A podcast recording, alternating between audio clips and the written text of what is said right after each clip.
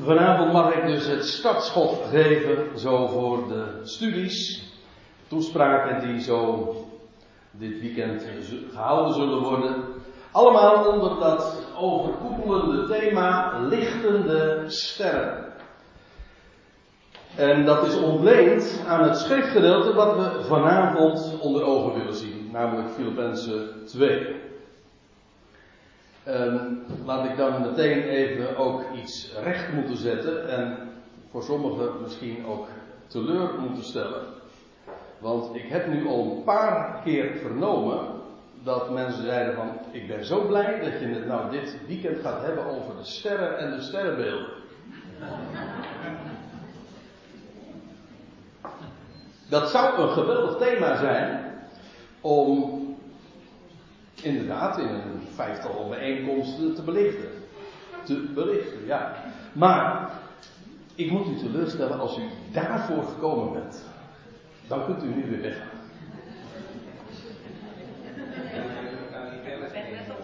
Huh? een paar? Libellas. Libellas. Tijdschriften. Oh, tijdschriften met horoscopen. Nou, dan geloof ik dat het tijd wordt, uh, Adriaan, dat ik toch nog eens een keertje jou dat uit de boeken doe hoor. Maar... ja. Nee, laat maar. Ik, hoop nog jou Oh, oh, ook nog eens een keer. Maar goed. Het gaat dus inderdaad niet over sterrenbeelden. Hoewel de associatie heel erg voor de hand had gelegen en op voor de hand ligt om het daar wel over te hebben. En over die twaalf sterrenbeelden, of eigenlijk zijn het er 48. En hoe die allemaal Gods glorie aan de hemel nacht in nacht uit vertonen. Waar we het wel over gaan hebben, dat is het, het ja, dat overkoepelende lichtende ster. En wat bedoel ik daarmee? Wel, ik heb dat trouwens in de, op de website ook bij de aankondiging over vermeld.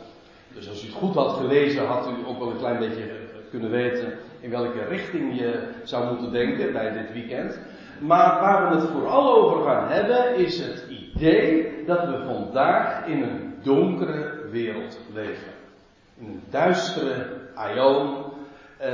Nou, dat hoef ik nauwelijks toe te lichten. In ieder geval, dat is een hele Bijbelse gedachte. Het is nu nacht.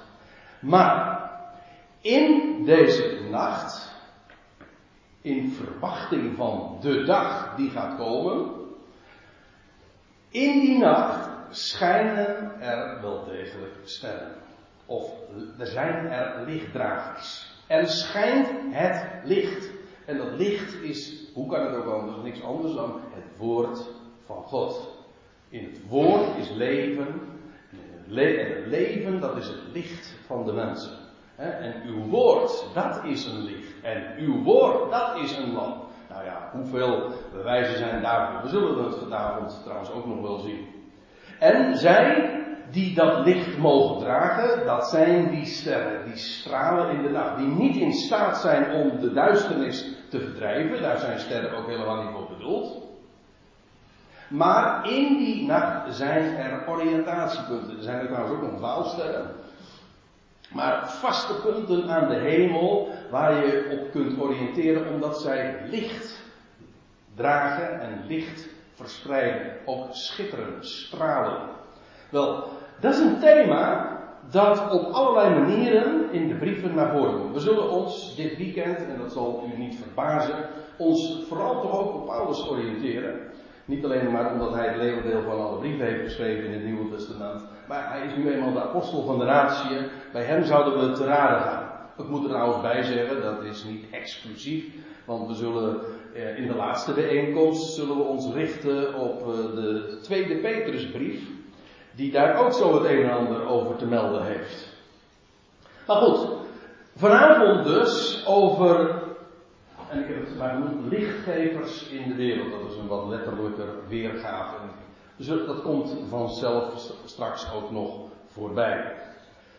Dus dat even als overkoepelend thema. In al die bijeenkomsten zullen we ermee geconfronteerd worden dat de wereld om ons heen, in welke zin dan ook, duister is, dat het nacht is, dat heerst, de duisternis heerst ook. En in die nacht schijnt er, God zij dank, licht. En daarin verblijven we ons. En daarop zouden we ons dan ook inderdaad richten. Zoals gezegd, we gaan naar Filippenzen 2 en dan, ja, dat is een beetje lastig om te beginnen, omdat ik dan begin te lezen in het midden van een passage min of meer. Dat blijkt ook wel, want eh, Paulus begint dan in dat vers met daarom ook. Dat wil dus zeggen dat het ook weer terug verwijst naar. Paulus motiveert dat wat hij zojuist heeft gezegd.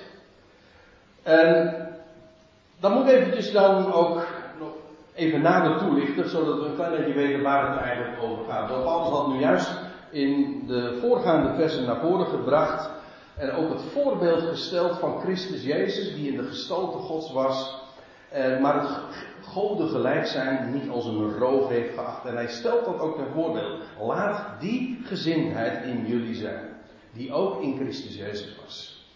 Die de zoon van God was, maar die dat alles heeft afgelegd. En de gestalte van een slaaf heeft aangenomen en gehoorzaam is geworden tot de dood, ja tot de dood van het kruis. Een geweldig onderwerp op zich al. Zou je een heel weekend aan kunnen wijden. Aan die versen 5 tot en met 11. Met gemak. Maar als Paulus dat dan naar voren gebracht heeft, hoe de Zoon van God, hij die in de gestalte Gods was, zich vernederd heeft, zich ontledigd heeft en gehoorzaam is geworden tot de dood, ja, tot de dood van het kruis. Dan staat er in vers 9, daarom ook verhoogde God hem uitermate. Eigenlijk is dat ook een, een vervolg op wat, ja, wat juist in de voorgaande versen naar voren gebracht was. Hij heeft zich tot de uiterste maat vernederd. Dieper kon niet. Van de hoogste hoogte tot de uiterste maat, tot de diepste trede heeft hij zich vernederd. Hij heeft zich vernederd tot de dood. Ja, tot de dood van het kruis.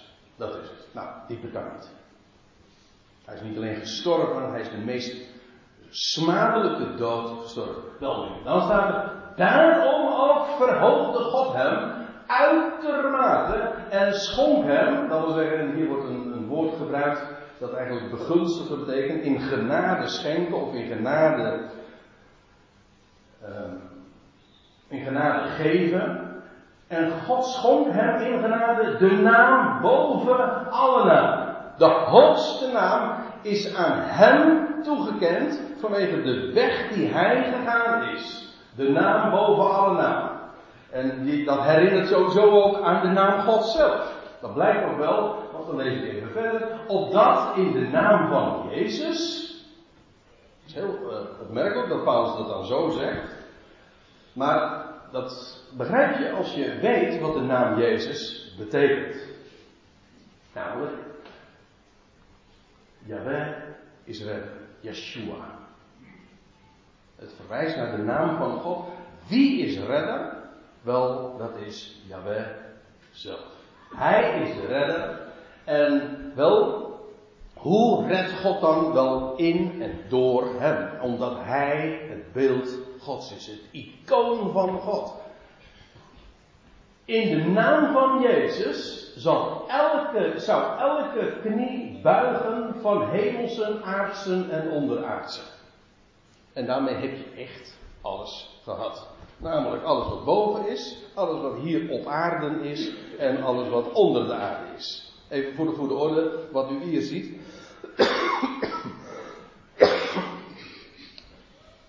Even excuseren, ik zit nog in, een, uh, in de nasleep van een hele langdurige verkoudheid.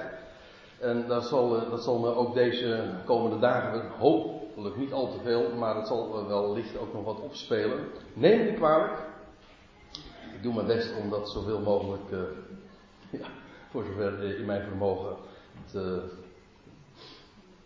Ja, hoe zeg je dat? Ja, te onderdrukken, ja. Maar, dat wou ik even er nog bij zeggen. Deze tekst, uh, dat is dus wat afwijkend wellicht van uw vertaling. Maar dat komt omdat het zo dicht mogelijk aansluit bij, deze woord voor woord weergave, deze interlineair. Ik, uh, ik ben gebruikelijk uh, om dat zo te doen. En degenen die mijn Bijbelstudies kennen, die weten dat dan ook. Maar goed, mocht, u, uh, mocht dit nieuw zijn voor u. Dit is dus niet de NBG-vertaling of de Statenvertaling. Maar een, vrije vertaling, maar gebaseerd dus op deze woord voor woord weergave. Zo letterlijk als mogelijk. Afijn, opdat in de naam van Jezus, God heeft hem uitermate verhoogd. En opdat in de naam van Jezus alle knie zou buigen van hemels en aardsen en onderaardsen. is bijzonder. Elke knie gaat dus buigen. En in de naam van wie? Wel in de naam van Yahweh, die redder is. En die dat bewijst in hem die hij verhoogd heeft tot de uiterste maat. En alle tong zou toejuichen dat Jezus Christus Heer is.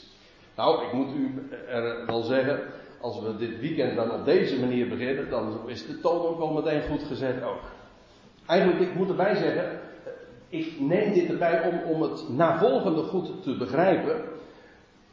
Maar uh, het is wel een geweldige stap natuurlijk. Dat we meteen al ons, om te beginnen, al mogen bepalen bij, bij God, die inderdaad redder is, universeel, en zo ook zal erkend worden. De knieën gaan buigen. En de tongen zullen het beleiden, dat wil zeggen het zelfs ook toejuichen. Ik moet erbij zeggen, dat woordje toejuichen, of van harte beleiden, dat is, nou ga ik u iets Grieks vertellen, dat is wel leuk, want er staat hier een bijzonder woordje, dat is ex homologeo, en je herkent het, homologeo, dat is het, woord voor, het gewone woord voor beleiden.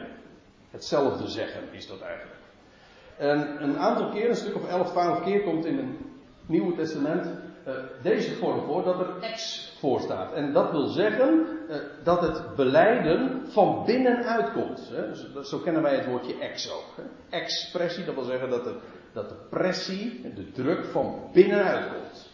Uh, ex, dat wil zeggen van binnenuit.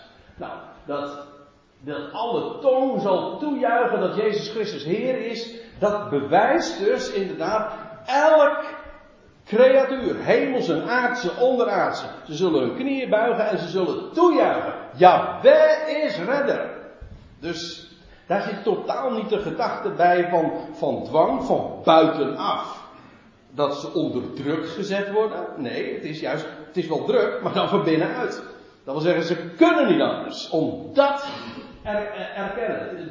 Trouwens, het woordje tong geeft eigenlijk ook al, uh, is ook al veelzeggend. Want die tong, dat is in tegenstelling met de lip. De lippendienst, dat is de buitenkant. Maar de tong, dat spreekt van, dat is wat er binnen zit. En de tong zal beleiden. Elke tong. En zal dus, het is inderdaad dus toejuichen. Het is niet alleen maar beleiden, maar van binnenuit. En dat is dus, vandaar dat woordje toejuichen. Dat Jezus Christus Heer is. Deze erkenning, wie Jezus Christus vandaag is, wat God, hoe God hem die positie heeft gegeven, dat is degene die dat vandaag doet, dat is een gelovige. Die dat van binnenuit beleidt en dat erkent. Dus eh, ergens anders schrijft Paulus, niemand kan zeggen, Jezus Christus is Heer dan alleen door de geest Gods. Dat is geen mensenwerk. God heeft je daarvan overtuigd. Hij werkt dat. Maar er komt een moment, dus in die zin zijn wij dus gewoon voorlopers. Eerstelingen. Dat is precies ook de wijze waarop de Bijbel dat belicht. Ik vind het een prachtige gedachte. Dat er komt een moment dat heel de schepping eindigt in een geweldig halleluja. Universeel. En er zijn nu al mensen, hier en daar, die dat nu al weten. En erkennen. Dus, dat is het geweldige van, die, van, van deze waarheid. Hem zo te erkennen, dat, daarmee behoor je inderdaad bij de, hoe zeg je dat? niet, dat is niet het peloton, hè, om het even in wielrennen te hebben, dan ben je een voorloper. Nee, een, hoe noemen ze dat? De koplopers, ja, dat was het. Ja, wij daar, wij zijn dus daarin de koplopers. En de rest, die komt nog. Maar dit is zoals het zal gaan. En dat zal gebeuren tot heerlijkheid van God de Vader.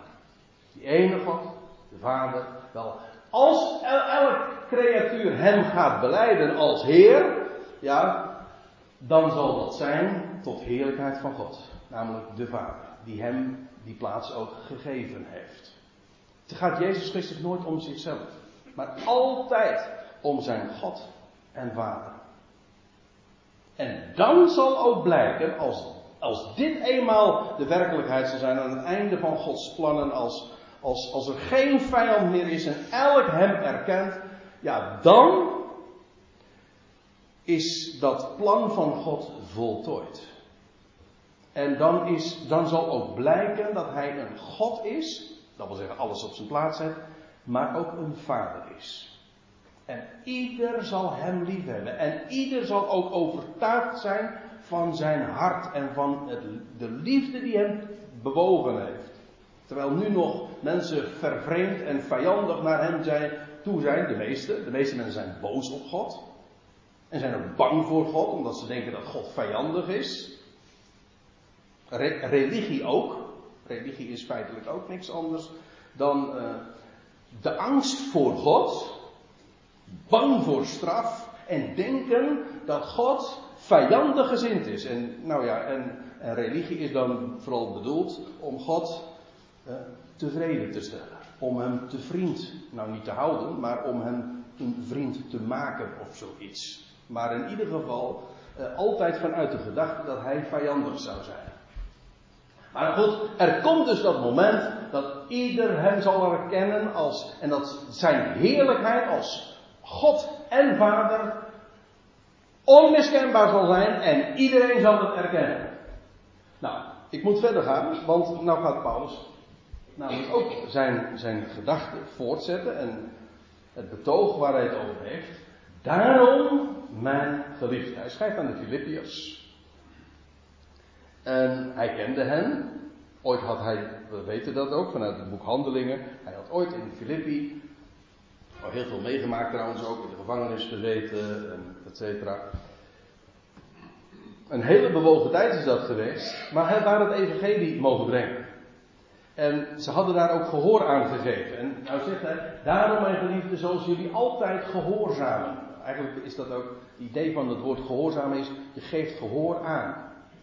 En hoezo gehoor, hoezo gehoor geven aan, aan, aan dat mannetje Paulus? Hoezo? Wel, eh, ik heb, laat ik u een, een voorbeeld geven. Uh, van de Thessalonicensen, degenen die in Thessalonica waren, dat lag trouwens dichtbij Filippi. Van de Thessalonicensen lezen we in hoofdstuk 2, vers 13 van de eerste brief. En dan staat er, begin te lezen midden in de, in de zin, omdat jullie het niet ontvingen, dat wil zeggen dat wat hij te vertellen had, omdat jullie het niet ontvingen als woord van mensen, maar zoals het waarlijk is, als woord van God, dat ook inwerkt in jullie die geloven. Het gaat mij vooral eventjes om, zij hadden dat woord van Paulus niet ontvangen als een woord van mens, van mensen.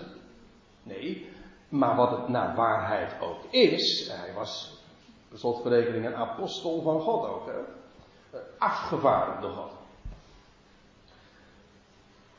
Het was woord van God. En daarom gaven zij daaraan gehoor.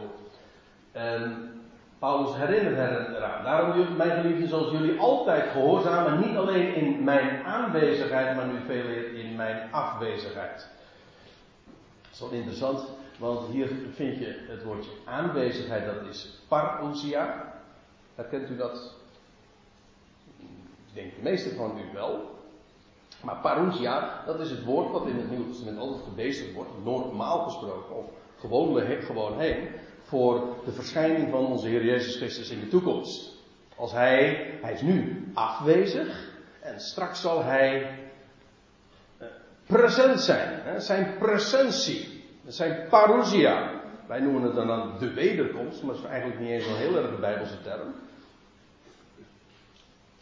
Nou ja, is te verdedigen, daar niet van. Maar de Bijbel noemt het de parousia. Eigenlijk is dat zijn aanwezigheid. Dit duidt trouwens ook niet op één moment van aankomen, maar het is zijn aanwezigheid. Wel, het tegenovergestelde van Parousia is apousia. Je ziet dat in die Griekse voorzetsels, daar, gaan we ons nou verder niet mee bezighouden. Maar je ziet dus aanwezigheid, afwezigheid. In het Nederlands kun je het ook heel mooi zo weergeven.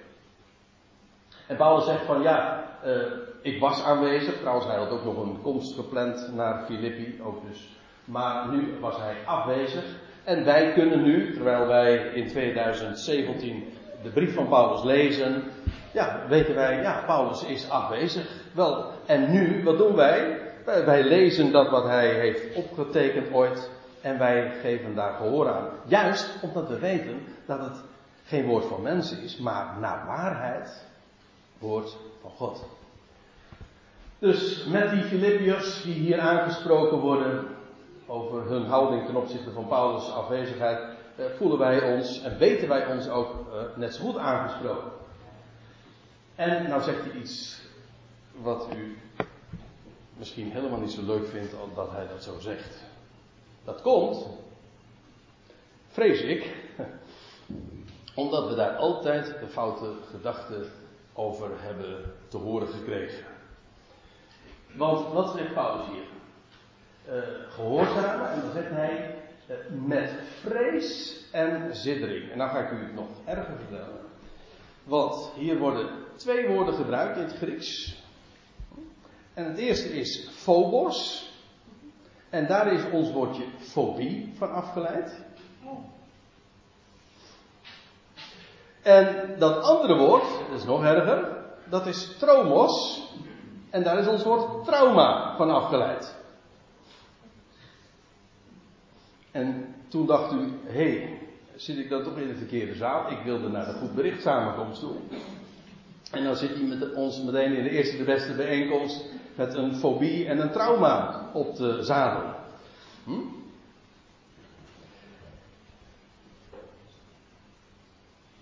Maar ik ga u vertellen, wat, kijk, bij ons uh, is het zo dat wij die woorden, ja, fobie en trauma, in het Nederlands in ieder geval, heeft het een uitsluitend negatieve betekenis. In het Grieks, en de wijze waarop Paulus het naar voren brengt, absoluut niet. Het is niet negatief. Kijk, als wij het woordje fobie en trauma horen, dan denk je, oh, meteen de psycholoog of de psychiater opbellen, dan gaat niet goed. En Paulus zegt juist van ja, als je echt gehoor geeft aan wat ik zeg. Luister, luister wat ik nu zeg. Als je gehoor geeft aan wat ik zeg, dan zal dat zijn, dan is het effect daarvan phobos en tromos. Hè? Eh, vrees en zidder. Zidder, dat woordje tromos, dat heeft inderdaad te maken met trillen. Hè? Zidderen. En wij denken dat is negatief. En Paulus is, zegt helemaal niet, het is helemaal niet negatief. Het is positief. Het is namelijk heilig ontzag hebben voor. En als je heilig ontzag hebt voor, dan word je heel erg klein en dan weet je je niets ten opzichte van die, die grote God. Heeft niets te maken, want dat moet ik er dan meteen bij zeggen. Want als ik deze dingen naar voren breng, dan ja, dan nemen wij de associaties mee die we altijd van, van jongs af aan hebben meegekregen daarover. Er is trouwens nog een ander woord dat uh, u maar al te goed kent, de meeste van u tenminste. Dat is de vrezen des Heren, hè? de vrezen van Yahweh. En dat is eigenlijk een soort gelijke term. Dat is ook inderdaad ontzag hebben. Echt ontzag hebben voor die grote God. En waarom? Hoezo ontzag en ziddering voor die God? Want wij, ja, ik ben zelf, uh, en er zijn er heel wat meer in deze zaal die dat, uh, die dat met mij gemeenschappelijk hebben, een reformatorische achtergrond. En ja, dan werd dat ook verteld. En van huis uit hadden we niet zo heel erg veel met, met de evangelischen. Want die hadden Jezus, hoe zeiden ze dat dan, in hun broekzak. En die, als, daar werd altijd maar zo amicaal over geloof en over God gesproken. Terwijl als je, ik weet niet hoe u dat hebt beleefd, maar zeker als je in de rechterflank van de reformatorische wereld bent groot geworden, dan, dan, dan is één ding wat heel sterk opvalt. Ik weet nog heel goed dat ik met Petra een paar jaar geleden in, uh, waren we in Staphorst. En toen zijn we naar de kerk, naar de reformatorische kerk daar geweest, de hervormde kerk, grote kerk. Duizenden mensen zitten er volgens mij in die zaal. En wat, wat, wat heel sterk doorklinkt is het geweldige ontzag voor God. En dat bedoel ik nu echt heel positief. Ik ga er, ga er nog genoeg negatief over zeggen. Uh, wees niet gemaakt, zeg geen zorgen. Maar ook eens eventjes goed benoemen wat goed is. Dat ontzag voor God, de schepper van alles. God is niet onze vriend. Inderdaad, Bijbel lees je inderdaad van God dat hij sommigen, eh, van Abraham je, Abraham mijn vriend. Ik heb nog nooit in de Bijbel gelezen dat, dat iemand God zijn vriend noemt. Dat, dat God dat met mensen doet, is een ander ding. Maar goed, die, die vrees en die zittering. Laten we even nog de, trouwens de, de, zin doorlezen, want anders heb je nog geen goed beeld daarvan. Paulus spreekt dus over gehoorzamen ook tijdens zijn afwezigheid, met vrees en zittering. We hebben die woorden nu gezien. En dan staat erbij, de redding van jullie zelf bewerken.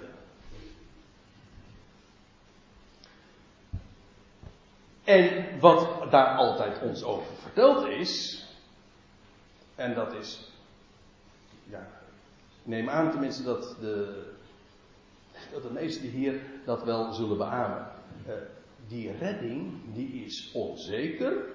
En omdat die redding onzeker is, zou je dus vrezen en zitteren. Maar daarom, en nou begrijpt u meteen waarom ik met eh, vers, wat was het, vers 9 en 10 begonnen ben, deze avond.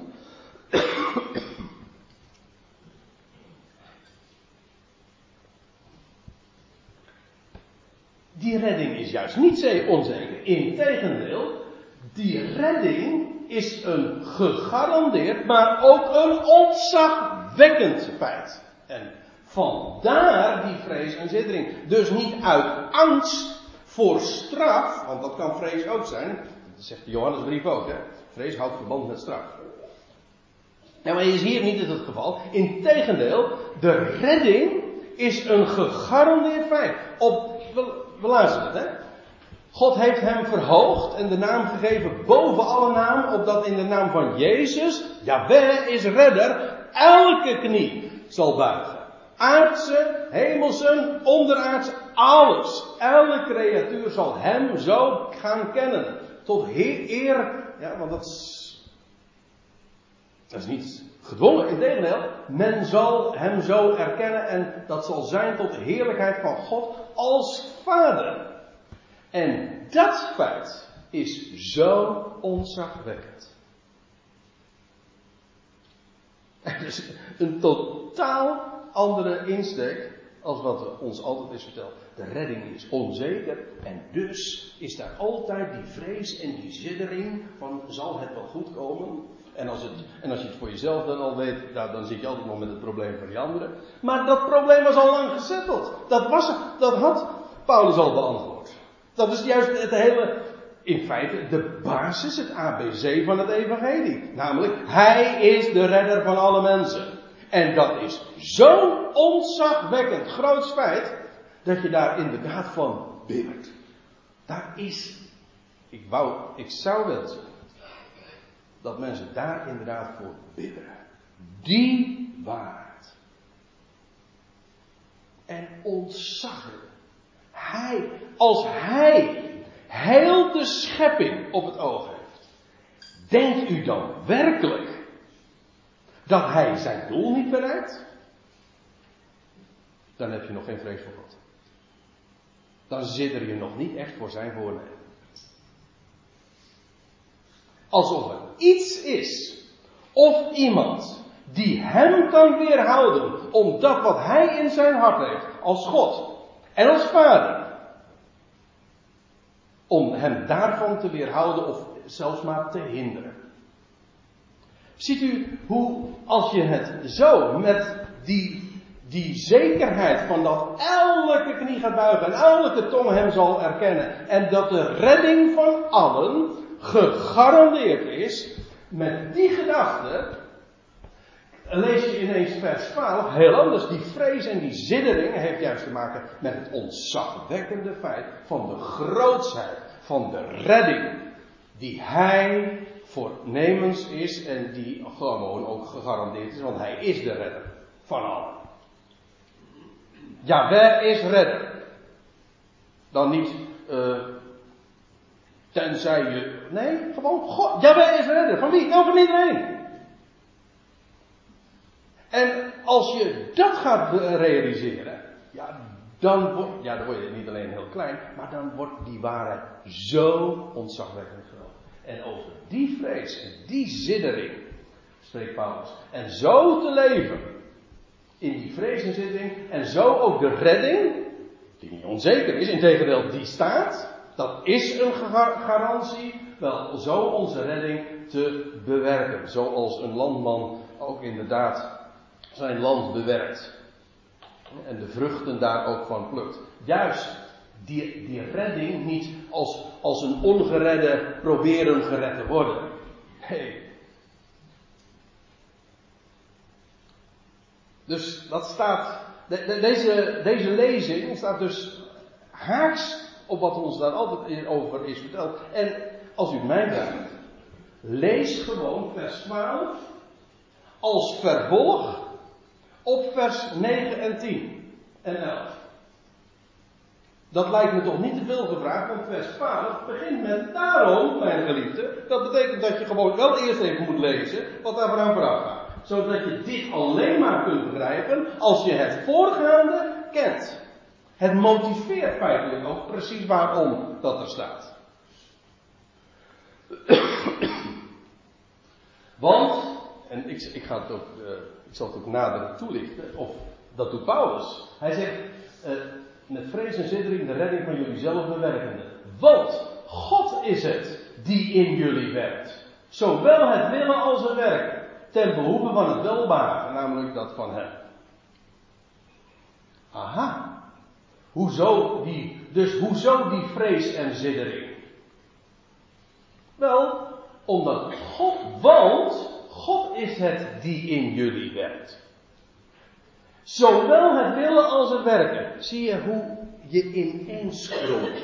Nou, laten we altijd gedacht hebben dat onze wil, de vrije wil, wat een goddeloos idee is. In de wil, vrije wil in de zin van eh, een onafhankelijke entiteit, of hoe, je, hoe zeg je dat, eh, iets onafhankelijks, alsof de wil van de mens of van een creatuur onafhankelijk zijn weg zou kunnen gaan ten opzichte van de grote God. Dan zit er hier nog niet voor wat. Als je namelijk werkelijk zou zitteren voor die God, dan zou je weten dat Hij en het willen en het werken werkt. Dus als ik wil het feit dat mijn wil gebogen is en ik hem van harte wil kennen, dienen, zijn woord wil beluisteren, etc. Nou, wie is dat? Dat is God. God is het die in jullie werkt. En de motieven, het willen, maar ook het vermogen om dat vervolgens te kunnen doen, het werken dus. En het willen, de, de binnenkant dus. Er blijft hier echt niets over van die gedachte van de mens is, uh, u weet het, hè? dat is toch het standaardverhaal. Jezus Christus heeft alles gedaan. Hij is een redder voor alle mensen. En jij hoeft alleen maar te kiezen. Ja, als je niet kiest, ja, dan is het over en uit natuurlijk. Eeuwig dan. In de zin dan, nooit komt het meer God.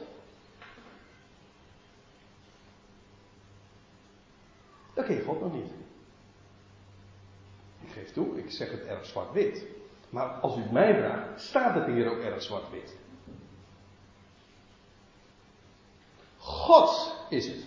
Die en het willen en het werken heeft. Maar weet u wat nou zo geweldig is? Als dat zo is, dat betekent dat. Dat als mijn wil nu in lijn ligt met zijn wil. Dat wil zeggen, ik geloof dat hij, wat hij vertelt. De geweldige tijding die hij te melden heeft, via de apostel Paulus heeft hij bekendgemaakt in de na, op midden van de natie. Wel, Als ik dat mag, nu mag kennen. En ik, wil, en ik wil dat horen. Is dat verdienste? Nee, want God is het die in jullie werkt. Zowel het willen als het werken. Maar het geweldige daarvan is ook dat het voor God dus ook geen probleem is. Sorry, alleen de gedachte al dat God uh, daar een probleem, uh, dat God problemen zou hebben. Hm? Zou voor de Heer iets te wonderlijk zijn.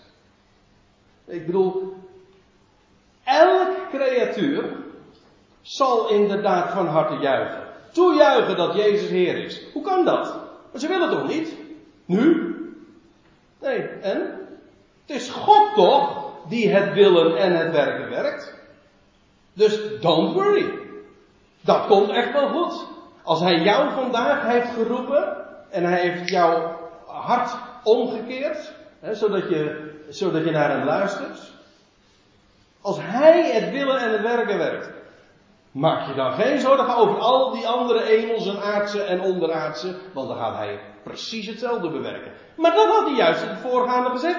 Elke creatuur, hemelse, aardse, onderaardse, zullen hun knieën buigen. Ze zullen van harte met hun tong toejuichen dat Jezus Heer is. Feitelijk had je dan al dus al kunnen weten, als dat zo is, dat God dus kennelijk het willen en het werken werkt. Nou, dat is precies wat daar staat. Ja, en als je daar geen uh, ontzag voor hebt, dan, uh, dan maak je leerstukken als van de vrije wil, die dat zou kunnen verhinderen. Dat is niet alleen, maar staat niet alleen haaks op het evangelie, het is gewoon, het is goddeloos. Hij is het die het willen en het werken werkt. En ten behoeve van wat nou? Ten behoeve van het welbehagen. Dit, want, en het voorgaande daarom, dat verwijst terug naar vers 11. Alles zal zijn inderdaad tot eer van God de Vader naar zijn welbehagen. Niets weerhoudt hem ervan. Hij, dus Efeze 1, daar staat dat God in het al, in het heelal,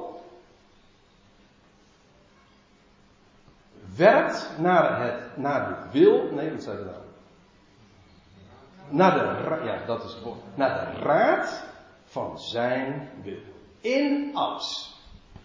Ik zou zeggen, prijs God mensen. Dat is de God waarmee we van doen hebben. En, ik, en als, u, als u, of jij zal denken van, je hebt het daar erg vaak over. Mensen, dit is waar het allemaal om gaat. Die grote God de eer te geven. Dat is het geweldigste wat er is. Daarom zijn we er.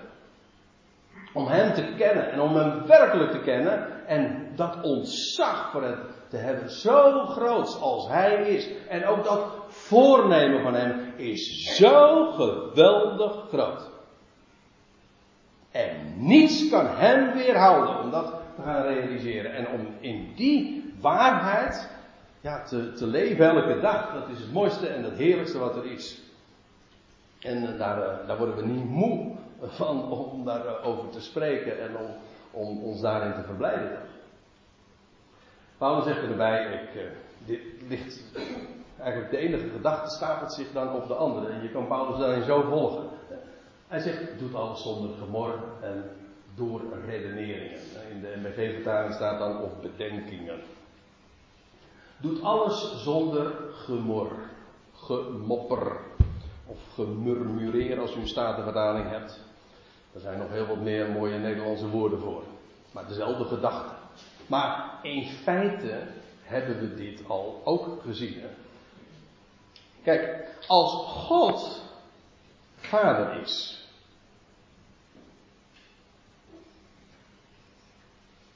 En hij dus de hele schepping in zijn hand heeft. Hij liefde heeft voor iedere creatuur. Dat er bij hem ook nooit iets misgaat. En dat zijn weg ook altijd de beste is. Realiseer je goed wat de consequentie daarvan is. Dat betekent namelijk dat wat er ook in mijn leven of in dat van anderen, in mijn naaste omgeving, het grote wereldgebeuren, maakt niet uit. Hij is God en hij is Vader. En dat betekent er gaat niets mis. Er gaat niets mis. Het zijn soms diepe wegen die hij gaat. Maar zijn, we zingen dat natuurlijk wel, dat is heel makkelijk. Zijn weg, nee ik zal het niet zingen. Zijn weg is de beste, de beste altijd. Is het waar of niet? Als het waar is, ja, mensen, dan, uh, dan, dan kun je dus inderdaad altijd verblijven. Niet, begrijp me goed. Het gaat er niet om dat je dingen dan wegredeneert. Of dat je je, oog, dat je oogklep op hebt. Kijk, wij ontkennen. Het gaat er niet om dat we hier geen minnen in het leven zien. Er zijn er genoeg. Je hebt pijn. Je hebt verdriet om iemand. Vanwege de weg die hij of zij gaat. Je kinderen. Noem maar op. Er zijn zoveel dingen. Op je werk. Ach, we zouden een oneindige lijst kunnen maken. En dan zeg je allemaal minnen. Maar, lieve mensen, als God vader is en zijn weg de beste, als het waar is dat hij God is en de vader is, waarom? Hoezo mopperen?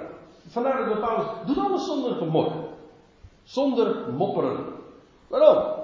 Wel, het is in zijn hand. En wat er gebeurt is best. En vandaar dat Paulus zegt dat uh, dankt God in alles. En al die minnen die, hij, die wij nu zien, dat zijn, ik blijf het zeggen, en als u zegt, ik heb dat al eens vaker van je gehoord, dan zeg ik, dat is mooi.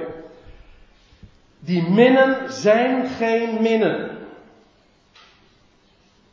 Dat is slechts schijn. Dat is namelijk het oog, dat is, dat is onze beperkte gezichtsveld omdat we sowieso het geheel niet overzien. En we zien bovendien niet over de tijden heen. We zijn begrensd in de tijd. Sowieso, we niet eens wat er morgen gebeurt. We weten, voor de context weten we allemaal niks van. Ik weet, ik ken er één die het allemaal wel weet. En die zegt, de enige die het kan weten, die zegt, mijn weg is de beste. Als dat zo is, dan is dat niet meer dan logisch. Doe dan een zondige morgen. En dank God. Ik zie, ik zie totaal de zin niet in van wat er gebeurt. Eh, onlangs nog, deze week, gesprekken daarover. Ik kan Gods plan er niet in ontdekken. Wat er gebeurt. En dan denk ik, en dat mogen we elkaar inderdaad voorhouden. Zo wat? Zo wat? Er zijn zoveel dingen in het leven waarvan je waarin je Gods plan niet ziet. Moet dat dan? Of moet je het kunnen verklaren? Dat vind ik juist het heerlijke. Als God vader is, dan hoef ik toch niks te verklaren. Dan is, dan is het meer dan genoeg om te weten, hij heeft een plan. En sterker nog, hij heeft geen plannetje. Nee, hij heeft een plan, een kolossaal plan. En dat plan is nog het allerbeste. En dus dank ik God. Dat ondanks het feit dat ik het nog niet zie, dat het het allerbeste is wat er gebeurt. Ja, mooi hoor. Doet alles zonder gemor en doorredeneringen. Opdat jullie zullen worden onberispelijke. Uh, onberispelijk betekent waar men geen blaam op kan werpen. Zodat als je dat inderdaad erkent. Ja, dat. Het is een waarheid. Die inderdaad zijn consequenties heeft. Ik bedoel, als je daarvoor uitkomt. En je gaat vervolgens mopperen. Dan zullen mensen. Maar wacht even, jij zegt toch dat dat God uh, alles in zijn hand heeft. En God, uh, dat zijn weg altijd de beste is. Als je dan moppert, dan ben je inderdaad. Dan zal men je dat nadragen. Dat is niet consequent. Dat is ook zo. Als je God als vader kent, mogen, andere mensen inderdaad van jou verwachten dat je hem dankt in alles. dat is wel mooi. Onberispelijk en ongekunstelde kinderen van God zijn. Er staat in de MBG-vertaling onbesmet. Daar heb ik geen kritiek op, maar de, dit woord wat hier gebruikt wordt in het Grieks, dat wordt elders weergegeven met argeloos. Uh, in de Statenvertaling zelfs in Romeinen 16 met onozel. U zegt dat zijn nogal grote verschillen voor dit ene woord. Uh, maar vandaar dat woordje ongekunsteld uh, drukt dat heel goed uit. simpel. Een kind is argeloos. Heeft helemaal geen bijbedoelingen, geen andere gedachten. Inderdaad, het is een woord. Ja, in Matthäus 10 wordt er gesproken over wees argeloos als de duivel. Listig als de slang en als de duivel. Maar het woordje, dit woord, dat associëren we vooral met kleine kinderen. Nou, dat is precies wat Paulus hier doet. Ongekunsteld, ik vind het prachtig woord. Ongekunstelde kinderen van God. Als je nou, je bent een kind van God. Die je, mag, die je dus kent als, als je vader. Hij is God, hij is vader. Nou, wees ongekunsteld. Wees simpel. Onnozel. Hoezo al die verklaringen? Dat zijn al die bedenkingen dus. Hè? Je moppert, want je hebt allemaal, laten we wel wezen, we hebben, kunnen geweldige redeneringen opbouwen van waarom God het niet goed doet. En zolang je daar onvrede mee hebt, dan kun je van allerlei dingen gaan uitproberen uh, in je leven. Maar je komt er never nooit uit hoor. Er is één medicijn, echt medicijn, en dat is geef je over aan deze God en Vader. En wees onnozel, simpel. Geef het aan hem over. En dan blijft. Je kent het liedje van, uh, van Paul van Vliet? Van. Uh, uh, ik, ik weet van niks. Petra, help me even. Ja, achterop bij vader, ja. Ja dat is een mooi liedje. Ik zou hem eigenlijk even. Zou hem straks moeten zingen, André. Maar dat doen we maar niet. dat, nee, dat, dat is een liedje van Paul van Vliet dat hij dan zingt over van ja, ik zou. Hij zegt, er is, ik moet nog zoveel doen, er is zoveel gestrest, er is zoveel gedoe in mijn leven. Nou ja, als volwassene. Het is herkenbaar voor iedereen. En dan, zeg je, en dan heb ik van die momenten, als ik dan zo gestrest ben, dan denk ik van, oh, dan denk ik nog terug aan de tijd dat ik achter op de fiets zat bij papa. En, uh, en dan achter op de, vader, uh, achter op de. Ik wist, uh, vader wist de weg en ik wist van niks. Prachtig liedje. En dat, kijk, dat is ongekunsteld. Zorgen, Zo'n kind heeft geen idee van waar papa naartoe gaat of waarom de dingen gaan. Maakt ook helemaal niks uit. Papa heeft dat stuur in handen. Papa is sterk. En ik weet het, menselijke papa's die kunnen nog weer hevig teleurstellen. Maar deze God en Vader, ja. Kijk, Hij heeft alles vast in handen. En zo onnozel zijn, zo argeloos, zo ongekunsteld. Lekker simpel, zeggen mensen dan. Zo simpel. Je bent een, als, als je daarvan beschuldigd wordt, zeggen nou, zulk simplisme, heerlijk. Laat mensen dan lekker moeilijk doen. Want dat is eigenlijk wat ze dan verkiezen. Moeilijk doen. Complex maken. Ja, je zou het er ook van krijgen. Complex. En u zegt, ja, maar de wereld is complex. Jawel, maar deze waarheid dat hij God en Vader is, is zo simpel. Leef gewoon als. Kijk, dat is ook precies wat de Heer Jezus zegt. Word als een kind. Gewoon word als een kind, ongekunsteld. En heb je, dan kun je hier op aarde mensen. Ik weet het is een donkere wereld. Maar dan kun je op deze aarde nog een geweldig, geweldige tijd beleven. Echt dat licht proeven. Ik moet even verder gaan. Opdat jullie zullen worden onberispelijk, ongekunstelde kinderen van God. Smetteloos. Wordt heel vaak gebruikt in verband met offerdieren. Een gaaf dier. Om een gaaf mens te zijn. Smetteloos in de zin van geschikt. Oh. Ongekunstelde kinderen van God. Smetteloos te midden van een kromme en verdraaide generatie. Nou, dat is de wereld om ons heen. Dat is die donkere wereld. Die en krom is. En trouwens ook krom maakt. Dat is een heel, dat is, daar, zijn, uh, daar zou je heel mooi over kunnen door, doorfilosoferen. Over hoe krom de wereld is. Maar dat weten we toch allemaal. Nee, en, en, en u zegt, oh je bedoelt de politiek. Nou, bijvoorbeeld.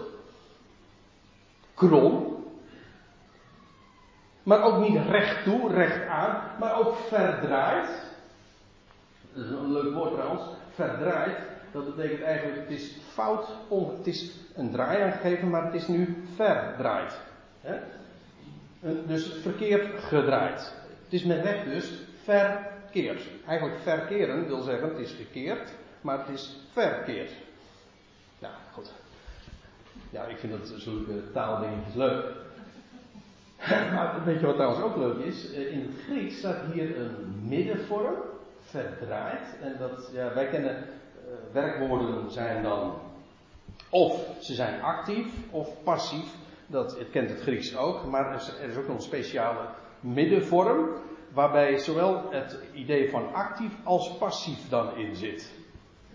En verdraaide generatie is zo'n middenvorm. Het is die generatie om ons heen is inderdaad verdraaid. Ze zijn verdraaid, dus passief. Maar het is ook actief. Men, men doet niet anders dan verdraaien. Ze zijn verdraaid en ze verdraaien. Dat is die middenvorm. Als u het mij vraagt. Een kromme, verdraaide generatie waarin jullie, en nou zijn we bij het thema van het weekend, waarin jullie verschijnen als lichtgevers in de wereld.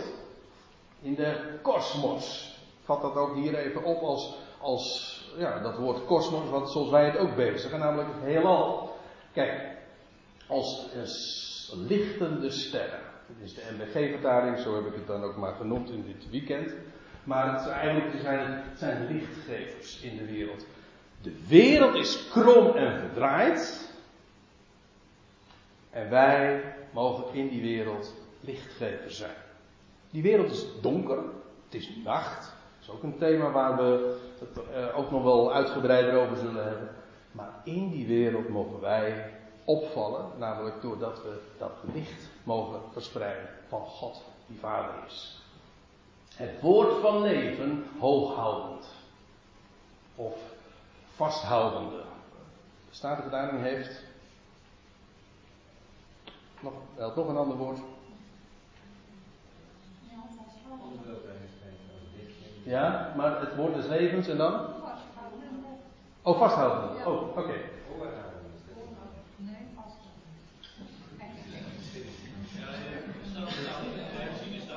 Oh, dat is een herziene gedaan. Ja, dan heb ik ook nog de NBV, uh, de NBV, nee, dan wordt het een beetje erg ingewikkeld. Maar het idee is, als het grondwoord trouwens bekijkt, dat is wel mooi, eigenlijk het is iets ophouden. Dus vandaar ook, dus al die ideeën, uh, verschillende vertalingen, die, die, geven inderdaad wel aardig weer. Omdat uh, je, als je iets ophoudt, dan geef je er aandacht aan, toch? Dan vraag je attentie daarvoor. En dan hou je, dan hou je dat ook vast. Je, je houdt het ook inderdaad hoog. Dat, en wat houden we hoog? Wel dat woord van leven. Hoezo? Een woord van leven. Dat is wat wij kennen. En u zei, we hadden al eerder over, dat in het woord is leven. En het leven, dat is het licht. Het leven, ja, de levende God. De levende Christus. Hij die opgewekt is uit de doden. De eersteling. Zondagochtend zullen we daar uitgebreider bij stilstaan. Maar echt, wij hebben een woord van leven. Wij zijn stervelingen, maar er is leven. Echt leven dat de, meer dan de moeite waard is om leven genoemd te worden, dat namelijk onvergankelijk is. Dat mogen we hooghouden. Het woord van leven hooghoudend. En waarbij dus de gedachte is, dat woord is het licht. Wij zijn niet het licht. Wij wijzen niet op onszelf. Nee, dat licht is het woord en wij hebben dat woord gehoord en wij spreken daarover en wij leven eruit. Hier wordt feitelijk niet eens erover gesproken dat wij deze dingen doorgeven met de mond. Natuurlijk, dat doe je maar al te graag. Maar zelfs als, als spreek je er niet over, dan mag je, en dan kun je gewoon uit leven en dan geef je als een ongekunsteld kind van God, ongecompliceerd hem leven als kind van hem, alles in vertrouwen aan hem overgeven en in de zekerheid van de goede afloop, ja, dan straal je al als, als, als licht. Waar de hele wereld in moppert en die zanik en die zeurt en dit is niet goed en gecompliceerd, allemaal moeilijk, krom en verdraaid. En dan mogen wij verschijnen als lichtende sterren.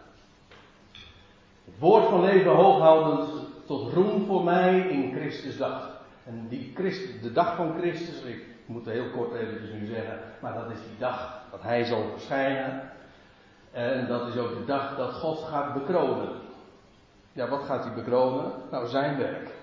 Door ons. Dus het gaat niet buiten ons om, maar wij zijn daarin. Ik heb vandaar ook dat plaatje zo.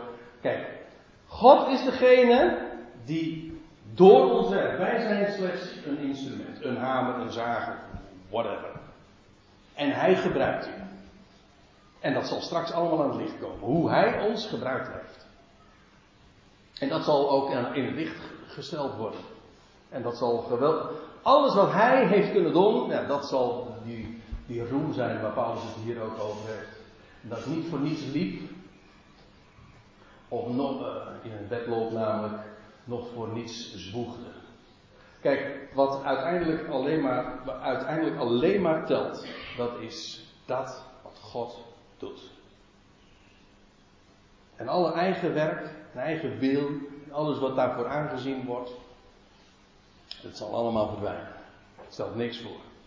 Als je God gaat kennen als God, daarvoor zinnert. Ja, voor dat woord namelijk, en je dat hoog houdt, dat is het enige wat telt. En al het andere is volstrekt eigenlijk onbelangrijk. Alleen Hij en dat woord van Hem, dat telt en dat blijft ook. En de rest wordt allemaal weggeblazen, blijft niks van over. Daarom, dat zou in ons leven tellen. En dat is ook precies wat we elkaar ook voorhouden. Dat is ook het enige leven wat, le wat waard is om geleefd te worden. Daarover zou nog veel meer te zeggen zijn, maar dat ga ik niet doen, want ik zie dat het al de hoogste tijd is om er een punt te zetten. We gaan nog wel iets zingen.